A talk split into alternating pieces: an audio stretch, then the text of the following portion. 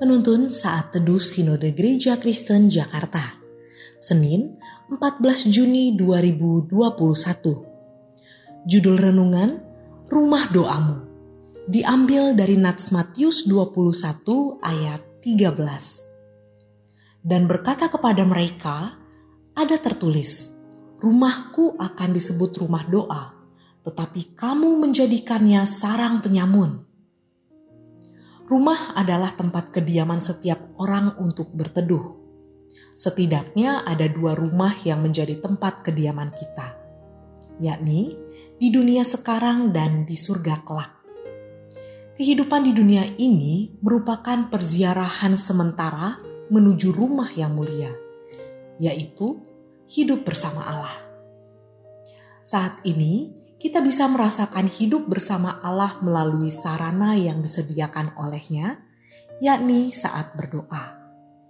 Saat berdoa, kita sedang bersekutu secara intim dengan Allah. Dalam Injil Matius, Yesus sangat marah karena rumah doa dijadikan sarang penyamun. Kristus menegaskan, "Rumahku akan disebut rumah doa."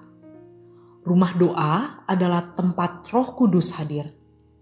Di sana, umat Allah mempersembahkan seluruh keberadaan hidupnya sebagai persembahan kepada Tuhan.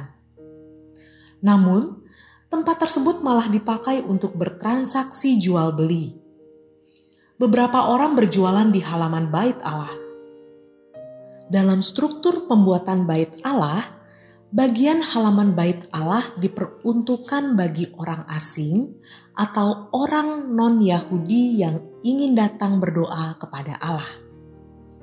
Waktu itu, banyak orang datang ke bait Allah untuk beribadah, termasuk dari kalangan bukan orang Yahudi. Menggunakan halaman bait Allah untuk berjualan merupakan bentuk perampasan atau pembatasan bahkan pengabaian terhadap orang non-Yahudi yang merindukan Allah dalam hidup mereka. Saat itu, mereka telah merampok hak-hak rohani orang lain. Tempat itu seharusnya membuka kesempatan bagi orang untuk mengenal Allah melalui relasi mereka dalam persekutuan dengannya.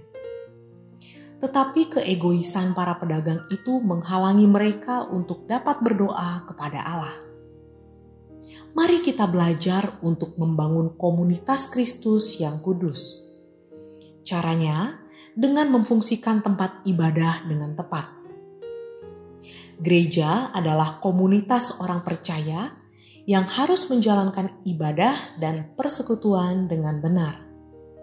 Gereja adalah tempat di mana kita belajar membangun persekutuan dengan Allah marilah kita menjadikan rumah Tuhan sebagai fungsinya, yaitu untuk berdoa dan bersekutu.